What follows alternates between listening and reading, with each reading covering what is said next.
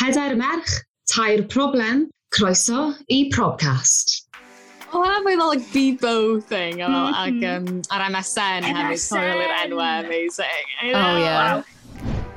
Nath rhywun actually ddyd fatha sy'n nhw'n dod i seithi fi. Dwi wedi bod y cariad fi am tua pedwar blynedd a nes i sleido mewn i DMs fo. Yeah! yes! So, cyn i ni ddechrau, rhybydd bach i chi yn gwrando adre. Falle bod yna bach o rhegi mynd i fod wrth i chi wrando ar y podlediad yma. So, sori o flaen llaw.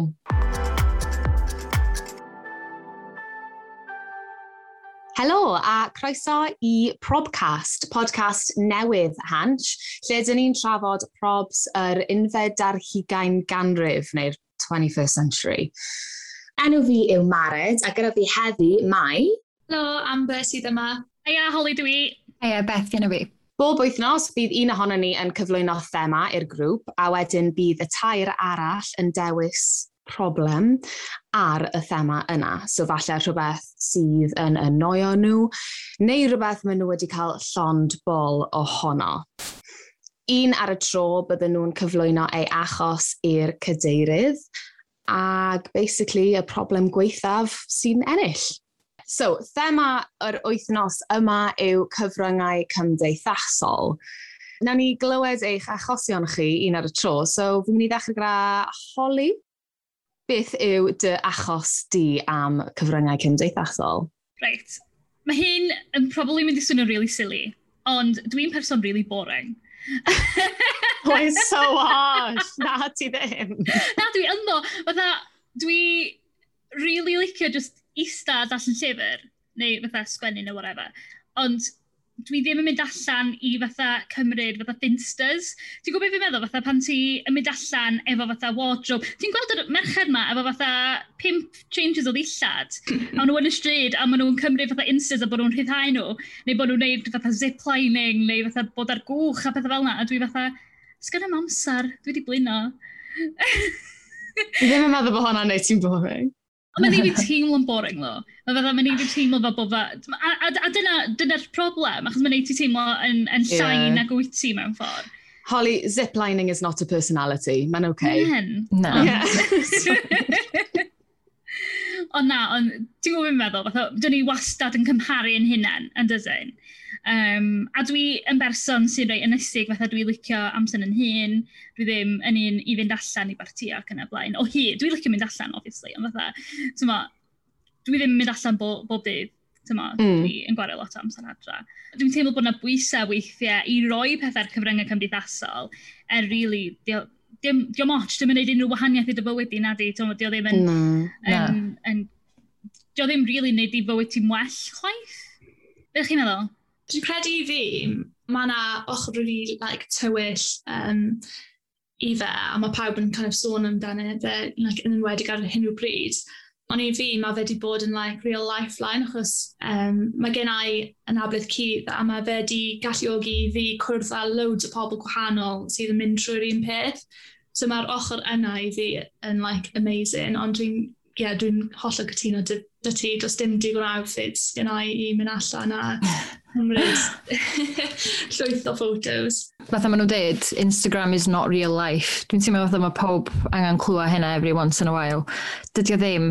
In reality, pwy sa'n mynd a pimp outfits? Os Instagram ddim yn existio, pwy sa'n mynd a pimp outfits i newid ar un day trip? Dim o weird na ddi. Last seen in a real housewives of Atlanta neu rhywbeth. And, yeah. Do you know what I mean? Oh yeah. I wish, but I'm not. Yeah. Beverly Hills, dwi'n licio. Oh, a, a New York, it's, it's all great, it's all great. A dwi'n gwybod, mae'n addicting. I know. Dag i fi rwy'n watcho dros y lockdown, O'n i'n mynd i weid hefyd, fi'n meddwl bod blwyddyn diwetha, mae cyfryngau cymdeithasol yn rhywbeth ni wedi troi mwy ato falle, achos bod e'n ffordd o weld y mm. byd tu fas in time ni, a gweld rhywbeth gwahanol achos bod ni ddim yn gallu gadael.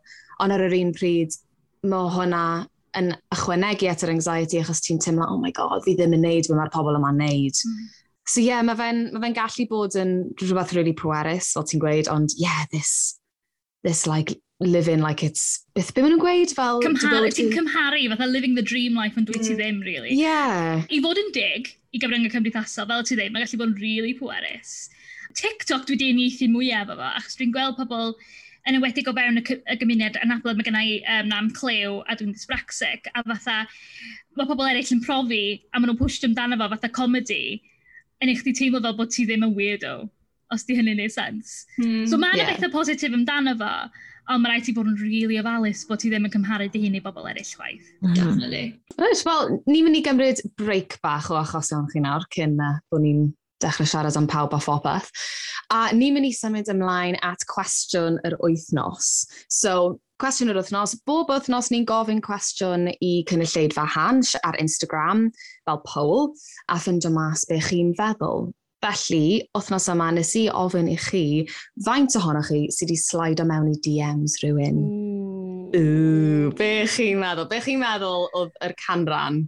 Mae rhaid i rhywun mm. made a move. Ie. Mm -hmm. yeah So... O, dim yn gwybod. Anodd yn dydi. Achos fatha, mae gen ti canon o bobl sy'n neud o, a wedi canon o bobl sy'n deud bod nhw'n neud o. Mm. A mae hynna'n wahanol. Yeah, exactly. yeah. yeah. yeah, exactly. So, actually, y cwestiwn yw, faint o bobl chi'n meddwl sydd wedi cyfadde okay. i slide yma i DMs rhywun? Achos fi'n mm. meddwl bod mwy o bobl yn mynd i weid bod nhw heb ers yn ni'n checo DMs nhw. Yeah. That would hmm. tell a different story. Okay, I am 40%. 40% beth? 40% o bobl wedi. Okay. I'm going to go low. I'm going to go high. Na i ddeud 85%. Oh, wow. Mm. Yeah, uh, mae fe'n anodd yn di, achos mae fe'n ma fe gwahanol rhwng, like, I don't know, rhywun ti'n ffansio, neu, like, fi wastad yn sleidio mewn i DMs, like, pobl fi'n meddwl sy'n neud, like, pethau really cool. I don't know. Yeah. Uh, 75. 75% wedi? Yeah. Oce, okay, cyn i fi ryddhau yr ateb pwy iawn, faint ohonoch chi sydd wedi slido mewn i DMs rhywun? A dim achos bod ti'n bod yn empowering am fe, ond achos bod ti'n horny. Unrhyw un yn mynd i admito ddo fe? Dwi heb di. Dwi wedi bod efo cariad fi am 8 mlynedd, so doedd social media ddim yn really massive back then, so... Fair enough stori diddorol. Dwi wedi bod â cariad fi am tua pedwar blynedd a nes i sleido mewn i DMs 4. Yeah! yes! And it worked. Yeah. Here we are. Gweld weithiau mae'n gweithio. Yeah. Mae dy fi stori am slide yma ni DMs rhywun yn mm. steddfod ar ôl watcho nhw'n performer, but we won't go there because... yn y byd, yn y byd Cymraeg, mae fe'n probably way really obvious, so we won't go there. Ond hwnna fel, ti'n gwybod pan ti'n cael like, moment fel, oh god, hwnna yw stori fi am hwnna that I need to never reveal.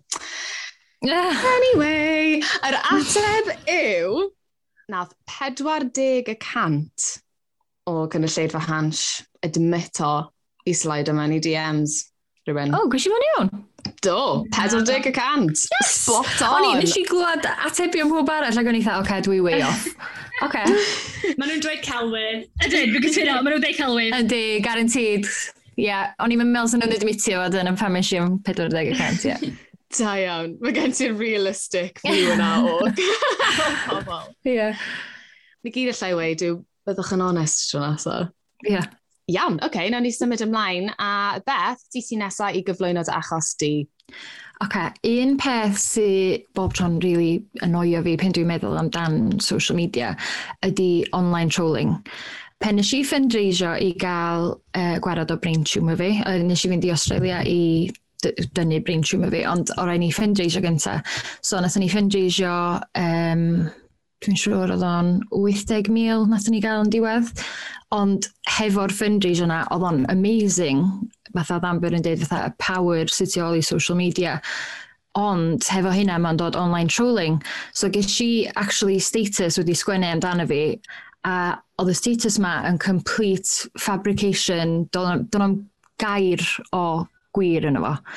A mae'r y pŵer tu ôl i social media fatha nath o wneud yn amazing am y fundraising ond hefo'r status ma nath o also wneud yn amazing i'r person oedd yn deud y clwydda. so nath pob o, o gwmpas uh, Sir Fôn basically gweld y clwydda yma a chi'n gwybod pen da chi jyst yn gweld rhywbeth ar social media da chi dda o oh, dwi wedi gweld hynna, so mae rai bod o'n wir So oedd hynna'n really, really, really damaging i, i fi a'r ffynd. A nath o slofi lawr los ar ôl hynna, ond diolch i ddew bod o wedi cael i'r stage oedd o yn y fundraiser cyn i hyn mynd i fyny. A dwi jyst yn meddwl bod o'n crazy fatha bod pobl yn gallu just deud clwydda online a mae pob yn just cwylio fo. Mae nhw jyst yn cymryd o fatha at face value. Pen nes i even trio sgwennu status i sort of dweud, dydy hyn ddim yn wir. Oedd o'n too late. So mae oedd hynna really brifo fi a mae'n very annoying pen dwi'n gweld pobl arall yn mynd trwy'r un peth. Wow. Mor sori. Ie. Yeah. Be oedd outcome hwnna? Ti wedi gallu llwyddo fel... Fi ddim yn gwybod, wyt ti'n gallu mynd at yr heddlu am rhywbeth fel yna? Ti'n gallu rhoi complaints mewn? Beth yw'r procedure ar gyfer rhywbeth fel yna? Nes i fynd at yr heddlu am un o'r rei ges i blwyddyn diwetha achos nath rhywun actually ddweud fatha sy'n nhw'n dod i seithi fi. So that was pretty scary. What? Mae hyn yn nuts. Na. Ond ia, yeah, mae'n really scary. Mae'r ma comments mae pobl yn dweud yn ôl, mm. fo. A mae just yn awful, cos fatha, o'n i dda, dydy hyn yn wir, ond fatha, sydd ydw i fod i newid meddwl nhw unwaith maen nhw'n meddwl hynna. Mm. Mae'n ma, ma impossible i rei bobl. So. Yeah. Mae ffi gwybodaeth fatha plan, dydy. Mae fatha unwaith, unwaith bod allan na, mae'n rili really anodd i gymryd yn ôl. Ie. Yeah. Yn union. A di pobl yn mysli faint o berig ydi geiriau nhw? Mm. Na, na. Mae fe'n rhy hawdd ar hyn o bryd i bobl i allu really difetha bywyd a pobl arall online. Bydde ti ddim yn gallu gwneud hwnna fel, you know, IRL, so na. why is it okay otherwise? Mae gan pobl balls enfawr tŵl screen, os e? Mm -hmm. Oh my yeah. god, yn mahwsif. Yeah. Mm. Well, fi really fucking sorry bod hwnna wedi digwydd i ti, ag... Yeah let's hope oh, bod e byth yn digwydd eto i unrhyw un arall. Yeah. Bloody hell. Um, Ac ia, gad ni o bod beth sy'n digwydd hefyd. O, oh, mi nai. Oh, right, okay. Wel, na ni symud mlaen nawr. Na ni chwarae bach o gêm, fi'n credu. Um, a ni'n mynd i chwarae gêm o'r enw gwir neu gai. So fi'n mynd i roi tri statement i chi. Ac mae rhaid i chi benderfynu pa un o'r statements yna sydd yn wir. Felly, rhif un yw Ar gyfer taledd, mae person yn gwario dwy awr a hanner bob dydd ar cyfryngau cymdeithasol. Rhif 2. Mae yna dros 5 biliwn o ddefnyddwyr o cyfryngau cymdeithasol. Ac 3. Mae gan person cyffredin, in inverted commas, 5 cyfrif ar cyfryngau cymdeithasol. So pa un o'r un a chi'n meddwl yw'r gwir? Dwi'n mynd i mynd am rhif 2, dwi'n credu. Ie, yeah, 2, dwi'n meddwl. Dwi'n mynd i am rhif 3, dwi'n meddwl. OK, so mae gennym ni dau fwt am dros 5 biliwn o ddefnyddwyr, ac mae gennym ni fwt am uh, 5 cyfrif. Dwi'n credu bod bron pawb yn gwario mwy na dau neu dau a hanner awr ar social media pob dydd. Ie, yeah, dyna nes i yeah. feddwl bod o'n fwy. Mm-hmm. Ie. Yeah. OK, wel, yr ateb yw rhif un ar ah. gyfer oh. talent. Ie, yeah, ni'n gwario dwy o'r a hanner ar social media bob dydd. No. Dwi'n rhoi mwy cwdos iddyn nhw. Dwi'n rhoi mwy o cwdos iddyn nhw. Eto, falle ta'n cynnig lle, fe hans maen nhw wedi gofyn ni. Dyna ddim nhw'n gweud. Na, I don't know. I don't know, falle... Achos o'n i'n meddwl hwn, ti'n meddwl bod ffôn ti'n weithio'n rhoi fel screen time thing ti, ti faint ti wedi defnyddio'r wythnos yna. Ie. Yeah. O'n i just ddim yn meddwl bod un, un fi'n gymaint y mae e, so fi wedi cael, fi wedi cael bach siog. O'n i'n meddwl bod e e'n fwy na dwy o'r hanner hefyd. Siw bod i fi'n shameful. Dwi'n gwneud gorf. Ie. So'r ateb yn y rai arall, just, you know, rhygom bod chi yn interested. Mae hwn bach yn sneaky, ond dros 4 biliwn yw e o ddefnyddwyr. Hmm. Mm. Okay. I mean, what's a billion between friends, really? Um, ag y gwir ateb ym prif tri yw mae gyda ni ar gyfer taled fel pobl cyffredin, whatever, wyth cyfrif. Ond mae hwnna'n cynnwys y rhai sydd oh. ddim yn actif. Right. Mm. Uh... O'n i'n meddwl hefyd, nes i ddewis hwnna achos fatha finsters, fatha gen pobl fatha i finster nhw sy'n lle maen nhw yn postio'r lluniau'n yn really nice, a wedyn fatha cyfrif o'n preifat. Mm. Yeah. Mm -hmm. Yeah. Um, mae'n wir, achos pan weles i pimp, o'n i fel, mae'n loads. Ond actually, dwi e ddim, yn wedi pan ti'n meddwl am fel, fel Facebook, nes i gael Facebook o'n i'n like 16, 17 am falle ti am mis a cysau e a just deactivate fo straight away. Ond technically, mae'r account yn y dal yn bodoli. Mae fi dal yn mm. bodoli in Facebook data, mm -hmm. annoyingly, er yeah. bod yn deactivated. So, ie, yeah, mae'n ei ti feddwl fel, ble ti'n bodoli ar pa platforms. Mm, oh, yeah. Edda freaky. Fi rhywun yn cofio, ti'n gwybod pan oedden ni gyd fatha yn 15, 16, neu hynna fatha 14, yn creu cyfrifon cyfrwng cymdeithasol, a nath ni dyddiau fatha enwa really weird. Oh, yeah, paid. Neu just fi, neu just fi. Oh, paid. Na, na, na, that's not just you. O'n i'n aros i rhywun dweud hynny, a was also bwyd yn it. O, oh, have fel like Bebo thing a fel ac um, mm -hmm. ar mm-hmm. MSN hefyd, cofio li'r enwau amazing. I know. Wow. Gorffen ysgol, fydda pedwar o gloch yn ti'n rasiadio i fod online. A siarad gyda'r un pobl, ti di kind of siarad gyda neu anwybyddu trwy'r dydd. Ie. Ie. Ie. A os y mam chi eisiau iwsio'r ffôn, o'ch chi'n gorau dod off yr internet, ti'n nhw'n cofyn ar y ffôn. Cofyn na. Hai, dyn ni'n hen. I know, I know, yn terrifying. Dwi'n gwybod.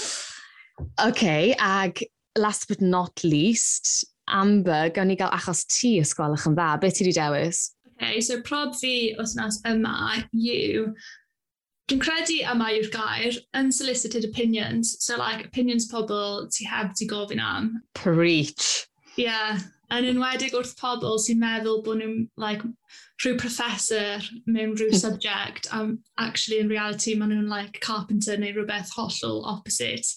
Yeah. So, yeah, fel dwedais i, mae gen i uh, cyflwr o'r enw ulcerative colitis, so bach fel Crohn's disease. A ges i'r diagnosis, like, dros 10 mlynedd yn ôl, surgery dros 5 mlynedd yn ôl, a loads o pethau gwahanol. Anyway, ges i Covid jab fi biti mis yn ôl. Yn syth, yn DMs fi ac yn comments fi, oedd pobl, dim just un, like multiple pobl yn dweud like, oh, pity if you didn't have that COVID jab, you wouldn't be going through these health problems, this, that, and the other. Like, eh? sorry, yeah. my God. Blurty di bod. yeah, so unsolicited opinions ac os yw unrhyw un sy'n hala fi negesion fel yna yn gwrando, please just stop. mm. Sorry, allai, yeah. allai just fod yn glir, ydyn nhw'n gweud bod Covid jab ti wedi achosi y chronic illness sydd gyda ti nawr. Ife dyna yeah. beth maen nhw'n trio. Wow. Yeah, yeah. Wow. A just all sorts of pobl. like, mae yna ddim cure i fe, ond mae yna wastad pobl yn DMs fi yn trio um, cael i fi prynu like, rhyw like, green tea neu rhywbeth, like, rhywbeth miraculous. Ah, yeah. Mm, yeah. Miracle green tea. Yeah, yeah, diolch. Oh. Mae'n amazing yn dweud. Mae'n amazing faint o bobl ach, yn anffodus able-bodied neu be bynnag yw'r gair ni fod defnyddio these days, sydd yn meddwl bod ti eisiau cael dy ffixo neu dy wella, neu bod like, that's, that's the life ambition. Ac er falle bod ni gyd ar un adeg o bywydau ni di just gweud, I wish o pethau'n wahanol, fi yn bersonol ddim yn gallu byw trwy bywyd fi yn gobeithio neu yn eisiau pethau fod yn wahanol na gyda nhw. Fi'n byw hmm. efo'n amgolwg, mae'n mynd i fynd yn waith yn bywyd fi, fi'n mynd i fynd yn ddall. Like, it's fine, ti jyst yn gorfod dysgu byw gyda fe, ond mae clywed pobl arall yn projecto barn nhw o fel, o, oh, nag wyt ti'n wisio bod yna ffordd ti'n gallu ffixo hwnna. Mm. Mae'n yeah. re, ma really mm -hmm. exhausting, a fi'n meddwl bod hwnna ar social media yn digwydd yn lot fwy hawdd nag yn bywyd fi iawn. Yeah. A os oedd green tea yn rhoi fix i fe, like, as if I wouldn't have tried that before. Yeah. Yeah. Fi'n cael yna respect on, fel, can you just wear glasses? And fel, oh my god, yeah, glasses, of course! oh god. Honestly, efo cliw fi, pobl yn cymryd yn gynnydol bod fi'n gwisgo hir engais, neu bod fi yn dweud sign language, right? A maen nhw yn anfon, neu hyn o fatha llaw driniaethau rili really arbrofol yn rhyw wlad pell yn fatha Timbuktu neu be bynnag, a maen nhw'n anfon y link, a dwi fatha, I would have tried that already, babe. Fatha, ti'n mo, so, dyn ni wedi trio bob dim, mae o jyst rhywbeth dwi wedi cael yng yeah. efo fo, ti'n byw dy bywyd efo fo, a mae weithiau mae'n teimlo fod pobl yn cymryd y cyfrifoldeb arnyn nhw hunan i, i deithio chdi beth sy'n bod efo chdi. Yeah. A sut i'ch chi'n trwsio fo? Yeah, for sure. Yeah. Diolch yn dy gyfrifoldeb di ddeithio ni. A cymryd yn ganital bod ti'n moyn drwsio fa hefyd. Mm. Yeah. Thanks but no thanks. Yeah. Yeah. Mae mam fi wastad yn gweud bod fi'n really galed ar pobl. It's like, na mam. But beth yw reaction ti? Beth ti'n dweud? Fi just, well, mae'n dibynnu pa mood ti'n dal fi arno on what day it is. Ond fel arfer fi just yn trio gweithio hi fel, dwi e ddim am bod yn galed neu garedig i rhywun, mae pobl angen dysgu ti'n gwybod bod eu barn nhw ddim yr un peth um, a ddim hefo lle necessary, ddim yn gywir. Mm. Um, a mae rhaid i bobl dysgu. Yn yr un ffordd, ni'n ni mynd yn fwy ac yn fwy ymwybodol nawr bod rhaid i ni addysgu ein hunain a'r profiadau pobl gwahanol. Um, a yeah. sut ni gyd ychydig bach yn racist, ni gyd ychydig bach yn ableist, ni gyd ychydig bach yn sexist. Like, mae lan i ni addysgu'n hunain, a fi'n meddwl bod ableism yn rhywbeth mae pobl yn anghofio amdano weithiau, ond mae fe jyst yn un o'r pethau arall ni angen bod yn fwy sensitif i. Mm. Yeah, definitely. But I know you all know that. A fatha, dyn nhw'n gwybod y whole story chwaith i reid yr opinion. Fatha, maen nhw mond yn gweld y snippets bach da chi'n dangos mm. online. Mm. I, mm. So hmm. fatha i just gweld tiny bit of information a wedi meddwl fel, o oh, fydrai, fydrai adio two cents fi hyn. Ond dyn nhw'n even gwybod y whole story i gallu reid opinion nhw rhan fwy o'r amser. Mm. So mae'n crazy mm. bod yn hmm. meddwl bod nhw'n gallu. O'n i yn gwylio rhywbeth ar YouTube dyn nhw'n y blaen a mi oedd na fatha subtitles yna fo'n barod oedd just, oedd y person wedi creu'r fideo wedi rhoi subtitles yna fo. Ac mm. oedd na rhywun wedi comentio fatha, oh, what's the point of subtitles? It distracts from the film. O'n i fatha, well, i, i bobl sy'n dibynnu yn nhw fatha fi, mae'n ma help, mae'n neud yn fwy accessible, dydy? Mae'r mynediad yna i bobl sydd efo mm. anableddau cydd fatha yeah. nam clyw. Yeah. yeah. A mae dangos bod pobl wedi meddwl amdano fe, bod ti ddim yn gorfod mynd allan a gofyn amdano fe, neu yeah. Hmm. bod yn requested thing. Dyle mm. fe just bod yn rhywbeth ti'n gallu access o fel yn rhywun arall. Ie. Yeah. yeah. Nôl i problem mm -hmm. beth, yndi, like, yeah. Rai pobl just ddim yn meddwl cyn siarad. Neu cyn typo. Yeah, for sure. mm.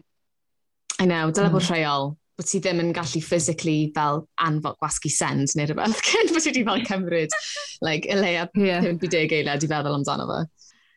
Oh god, I guess nawr mae rhaid i fi ddewis pa un yw'r probs gweithaf. Ac I mean, y gwir yw, os byddwn ni'n gallu cael gwared yn nhw gyd, byddwn ni yn, within, mm. like, eiliad. Um, mm -hmm. Ond fi'n credu bod na un sydd yn kind of... Os oedden ni'n gallu cael gwared o hwn, bydda lot o problemau'r byd fi'n credu yn cael ei solfo. Ac bydda fe hefyd yn cael gwared o lot o'r pethau toxic arall ni wedi bod yn siarad amdano. Felly mae rhaid, rhaid, rhaid i fi ddewis trolling, like, neu trolling, neu beth bynnag ti eisiau gael o fe. Mae'r, Like, it's gotta go.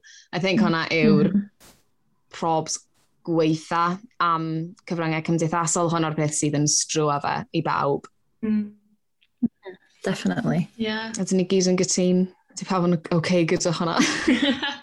Trolyn mewn bywyd go iawn ac ar-lein. Yeah. Yeah.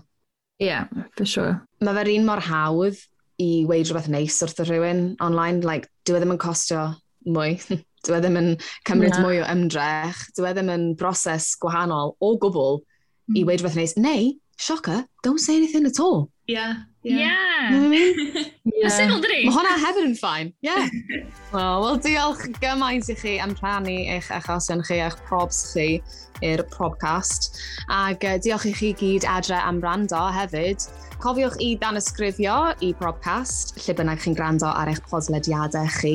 Ac dewch nôl ato ni othnos nesa, lle byddwn ni'n trafod y thema o perthnasoedd a deitio.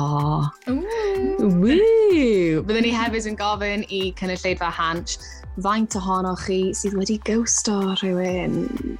Awkward. Guilty as charged. Ah! Tune in next week i ffind o'r stori yna, Holly. Diolch eto. Hwyl! Ta! Diolch! Ta!